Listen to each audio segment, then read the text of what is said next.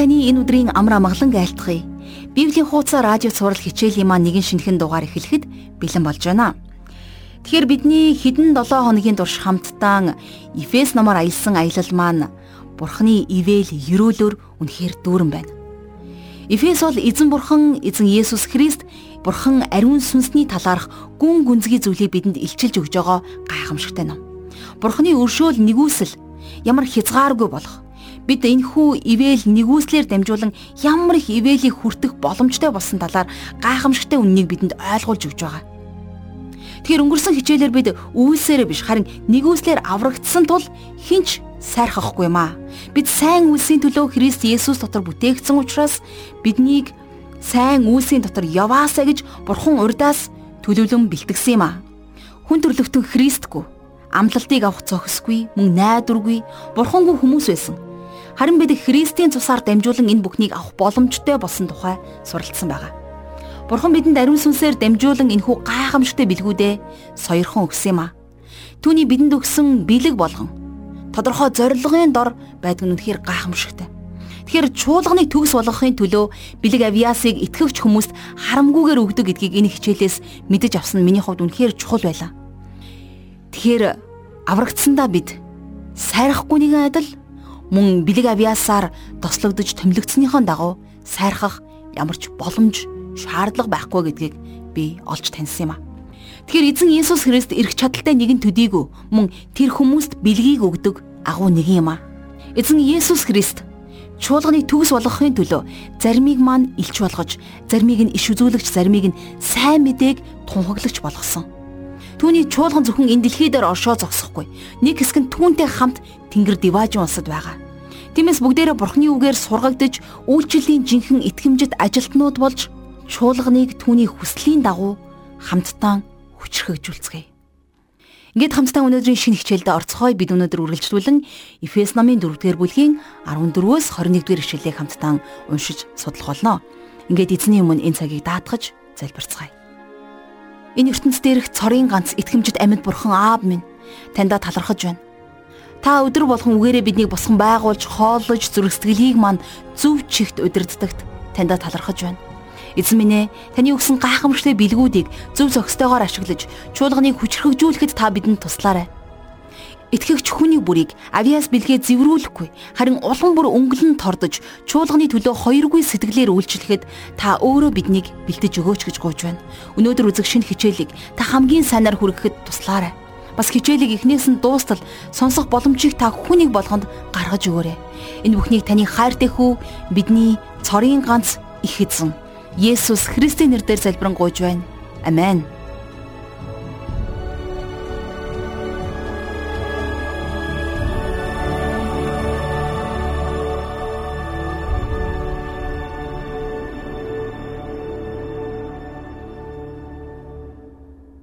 За тэгэхээр өнөөдрийнхөө хичээлээр бид хамтдаа Эфес номынхон 4-р бүлгийн 14-өөс 21-р ишлэлийг судлах гэж байна. Ингээд 14-р ишлэлийг одоо уншийе. Бид цаашид хүүхэд байхаа болж давлгаанд эн тэнд шидэгдэн альва номлолын салхи хүмүүсийн ов мих залхаа хувилдааны башар аргад туугдалгүй гэж Паул энд ихлэн бичсэн байна. За тэгэхээр бид цаашид хүүхэд байхаа болж гиснээрээ Паул бидэнд тогтоогдсон тодорхой хил хязгаарууд байгаа гэдгийг энд илэрхийлж байна тийм ээ. Тэгэхээр бид нар нэгэнт юугаач мэдэхгүй нь ялах хүүхдүүд биш. Паул Коринт дахь чуулганыханд махан биеийнх Христ доторх бяцхан хүүхдүүд нэгүүлсэлгүй гэж хэлж байсныг та санаж байна уу?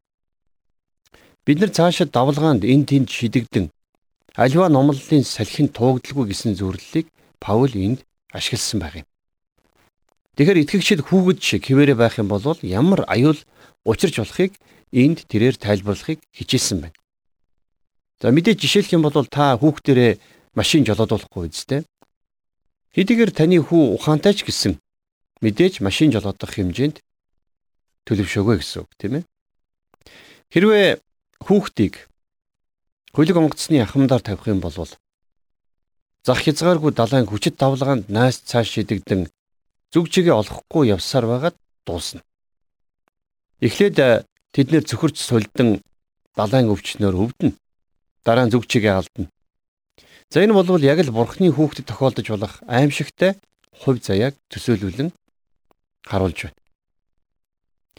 Харин Паул өөрийнхөө ярианы төсөөллийг өөрчилж хүмүүсийн овмих болон залхаа хувилдааны башар аргад туугдахгүй байхыг итгэгч нарт сануулan бичсэн байна.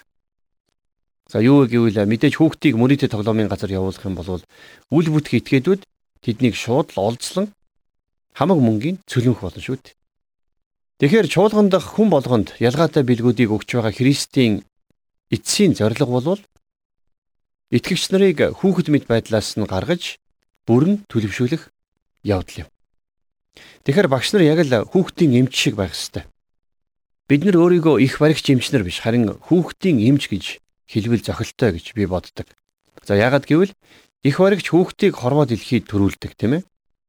Тэд хүүхэд их барьж авахын тулд заримдаа шүн дунд босох. За ажил дээрээ олон шүнийг өнгөрөх хэрэгтэй болдог.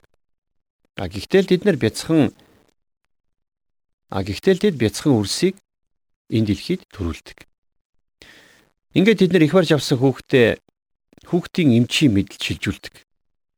Харин хүүхдийн эмч нар хүүхдийг өсөж боожход тэдний гэрүүл саруул байгаа эсхийг нягтлан анхаардаг.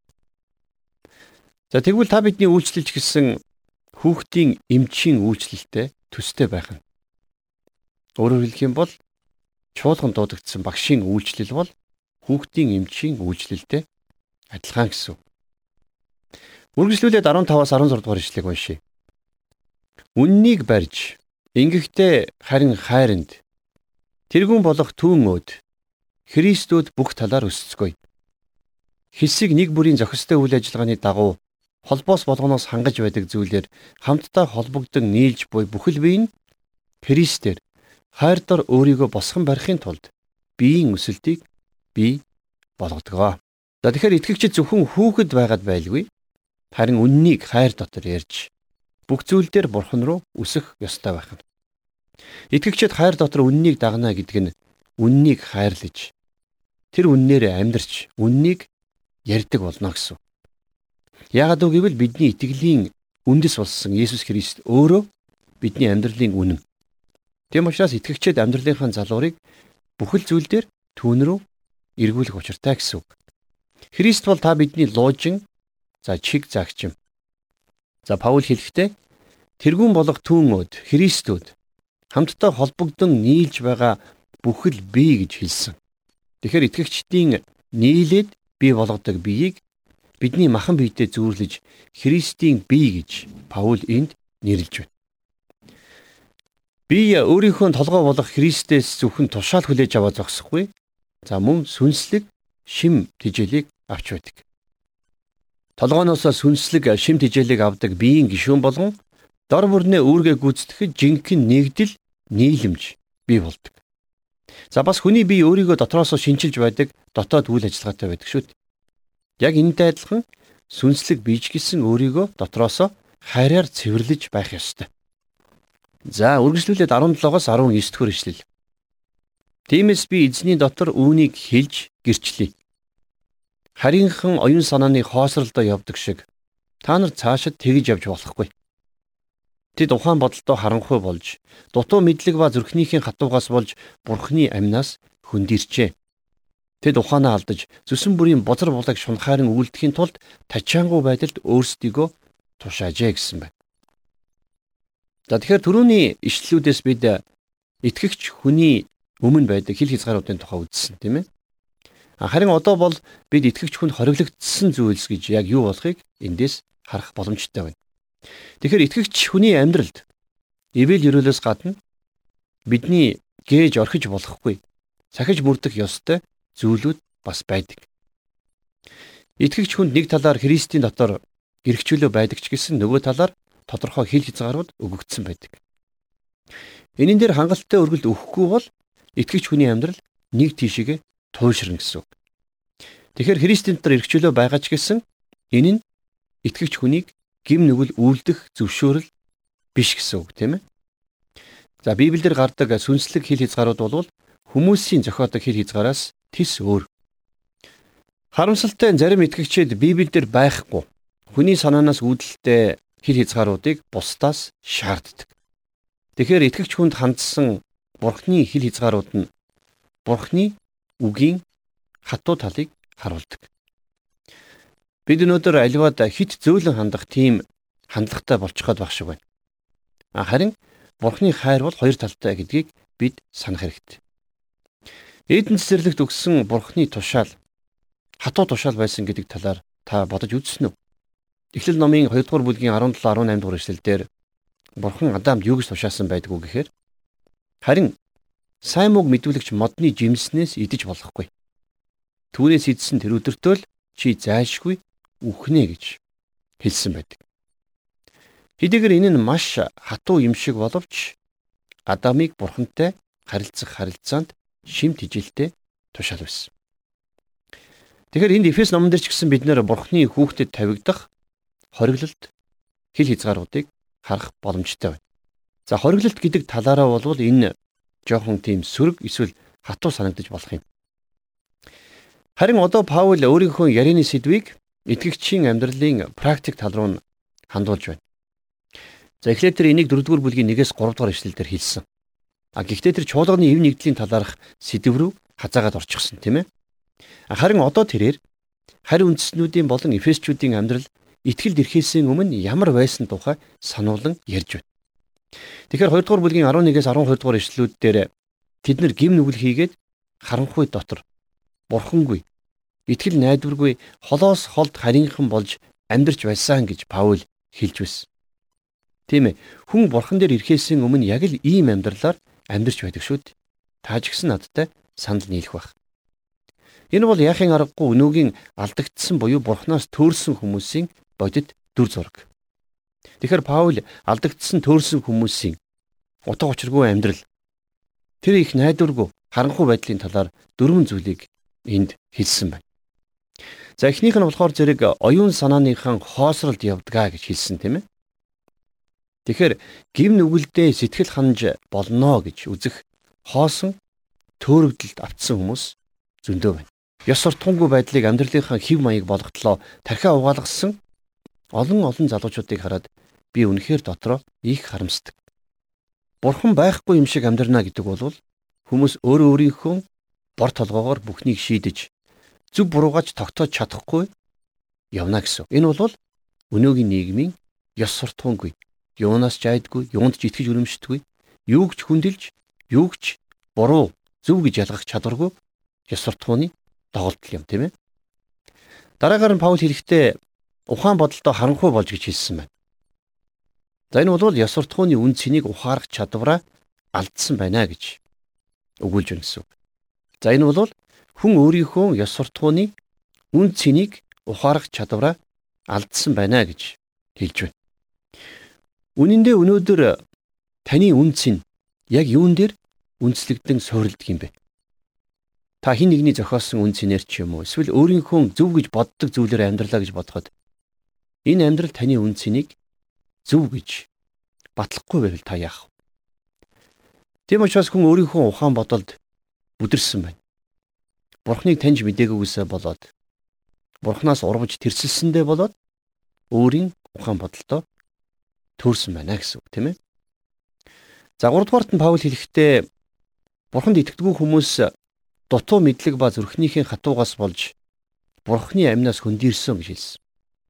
За энэ бол яахын аргагүй Есүс Христгүй бүх хүндрэлтний дүр зураг. Энэ бол хүүхдүүдэд нь Адамаас өв дамжин ирсэн тэрхүү тэрслүү байдал. Хүмүүс амьдрч байна л гэж боддог. Нэг хүн саяхаа надад сарынхан цалинг нэг шөнийн дотор бааранд үрчглээ гэж ярьсан. Тэгээ яах гэж ингэж байгаа юм? Цагийг сайхан өнгөрөөх гэж юу? Тэр бурхны амьнаас хөндөрч түүнтэй ямар ч харилцаагүй амьдарч байна. Тэр бол гим нүгэл ба тэрслэл дотроо үгсэн байна гэсэн. Иймэрхүү хүмүүс бурхантай харилцаа тогтоон амьдрахын үн цэнийг ойлгож мдээгүй байдаг. За тэгээ энэ бүхний үр дүнд хүний зүрх сэтгэл хатуурдаг. За эцэст нь Паул тэд ухаанаа алдаж зүсэн бүрийн бозор булааг шунхаарин үйлдэхийн тулд тачаангуй байдалд өөрсдийгөө тушаажээ гэж бичсэн байна. Тэгэхээр хүмүүний ёс суртахуунгүй байсаар байгаа байдал нь тэднийг ямар нэгэн буруу зүйл хийж байгаагаа мэдрэх чадварыг айжмаар алдагдуулдаг.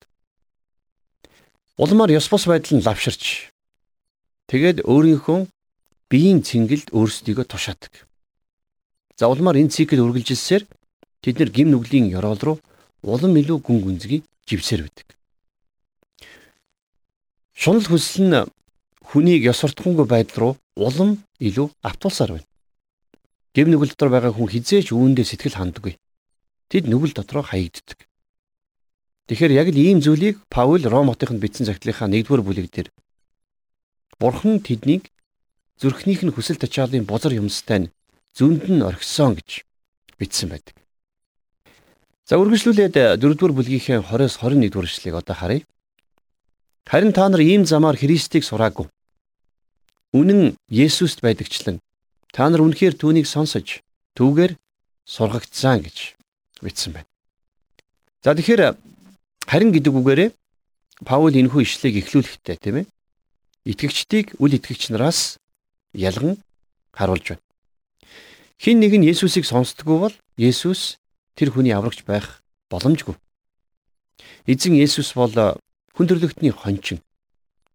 Тэм учраас хонд эзнийхээ дууг л сонсдог. Хэрвээ та Есүсийн дуу хоолойг сонсоогүй бол та Есүсийн хоньны нэг бишээ гэсэн. Харин үндэстнүүдийг хуучин мөн чанараас нь юу өөрчилж чадах вэ? Тэд яг яах ёстой вэ? Хариулт нь маш тодорхой байна. Тэд Христийг л сонсох ёстой. Тэд Есүсээр заалах ёстой. Түүний хонь биш хүмүүс Есүсийн дууг сонсохгүй. Харин аврагдсан хүмүүс эзэн Есүс Христийг өөрийн хончин хэмээн хардаг. Тэд хончныхон дууг сонсож дагдаг. Харин аврагдаагүй хүмүүс өөрсдийнхөө замыг л сонгодог. Тэгэхээр үнэн бол ганцхан Есүсийн дотор л байна. Хэдийгээр түүний дэлхий дээрх амьдралыг хинч давтаж чадахгүй ч гэсэн Есүсийн амьдрал итгэгч хүнд үлгэр жишээ болдго юм. Энэ утгаараа Есүс бол эхлүүлэгч.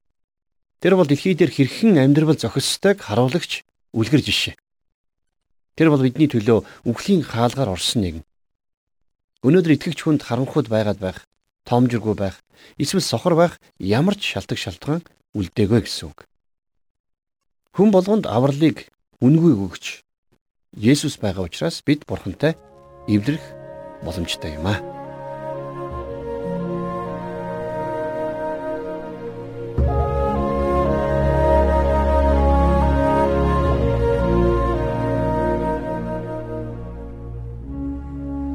Тэгэхээр өнөөдрийн хичээлээр бид Христэд итгэгч хүний төлөвшил ямар байх ёстой талаар суралцлаа. Үнэхээр бидний зарим маань өсөж төлөвшдгүй хүүхэд шиг л байдаг. Хэрвээ та ийм итгэгчдийн нэг бол энэ хичээл танд учирч болох олон эрсдлээс хамгаалах сэрэмжлүүлэг болж чадсан гэдэгт итгэлтэй байна. Тэгэхээр бурхан хүн болгонд өөрөөр бэлэг авьяасыг өгсөн. Чуулгандах хүн бүр ялгаатай бэлгүүдийг түүнээс авсан өөр хоорондоо адилгүй ялгаатай бэлгүүдийг өгсөн Христийн зориг тэгвэл биднийг хүүхэдчиг байдлаас ангижруулж бүрэн өсгөж төлөвшүүлэхийн тулд юм а. Тиймээс бид хүүхэд хിവэрэ байлгүй амьдралаа Христээр дуулууртай удирдуулж түүнд залуураа өгөх хэрэгтэй болж байна. Ягаад тэгэхээр Есүс Христ бол бидний зүг чигийг заагч лууж юм. Тэр бидний тэргүүн учраас, тэр бидний титэм учраас, тэр бидний хаан учраас түүний амьд ариун үг тушаалыг дагаж амьдрцгаая. Энэ хичээлээс суралцсан нэгэн чухал зүйл бол итгэгчид бид амьдралдаа ивэл өрөөлийг бурхнаас авахын зэрэгцээ. Мөн орхигдуулж мартаж болохгүй, сахиж мөрдөх ёстой зүйлүүд байлаа. Хэдийгээр бидэнд Христийн доторх эрх чөлөө өгөгдсөн ч гэсэн бас баримтлах ёстой хид хідэн дүрм журам өгөгдсөн. Гим нүгэлдээ үхсэн байсан биднийг Бурхан өөрийн хүүгийн үхлээр золин авч шин амийг та бидэнд өгсөн. Бид Христийн дотор дахин шин төрсөн хүмүүс юм аа. Тэгвэл шинэ хүмүүс бидэнд хандсан бурхны хориглолт хязгаарлалт бол түүний үгийн сүрэг хатуу тал нь юмаа гэдгийг ойлгож авлаа. Бурханаас бид үргэлж зөөлөн үгийг сонсдоггүй. Бурхан заримдаа биднийг хатуу чанга үгээрээ сахилгажуулж сул дорой байдлыг мань засаж залруулдаг. Гашуун им өвчнөд тустай. Гашуун үг явдалд тустай гэж монголчууд ярьдаг. Тэгвэл Бурханы үгэнд худал зүйл нэгэхэнч байхгүйг Библи түүний бичсэн бичээс бидэнд батлан харуулдаг. Энэ хүрээд өнөөдрийн хичээл маань өндөрлөж байна. Мэдээж сонсон суралцсан болгоныхоо төлөө Бурханд хамтдаа талархах цагийг гаргацгаая. Хайртай бурхан минь, таньда баярлалаа аваа. Өөрийн агуу хүчрхэг амьд үгээрээ дамжуулан өдөр болгон биднийг замчлан удирддагт таньда талархаж байна.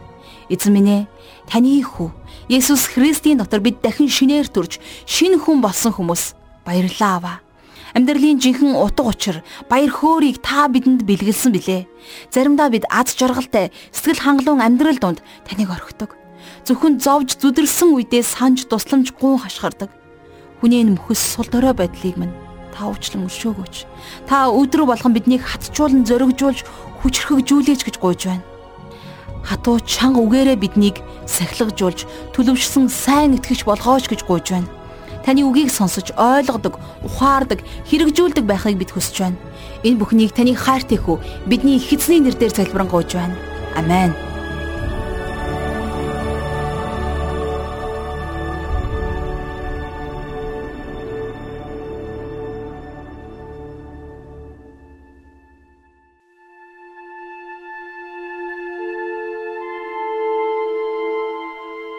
Библийн боловсрол олгох, Библийн хуудасаар нэвтрүүлэг танд хүрэлээ.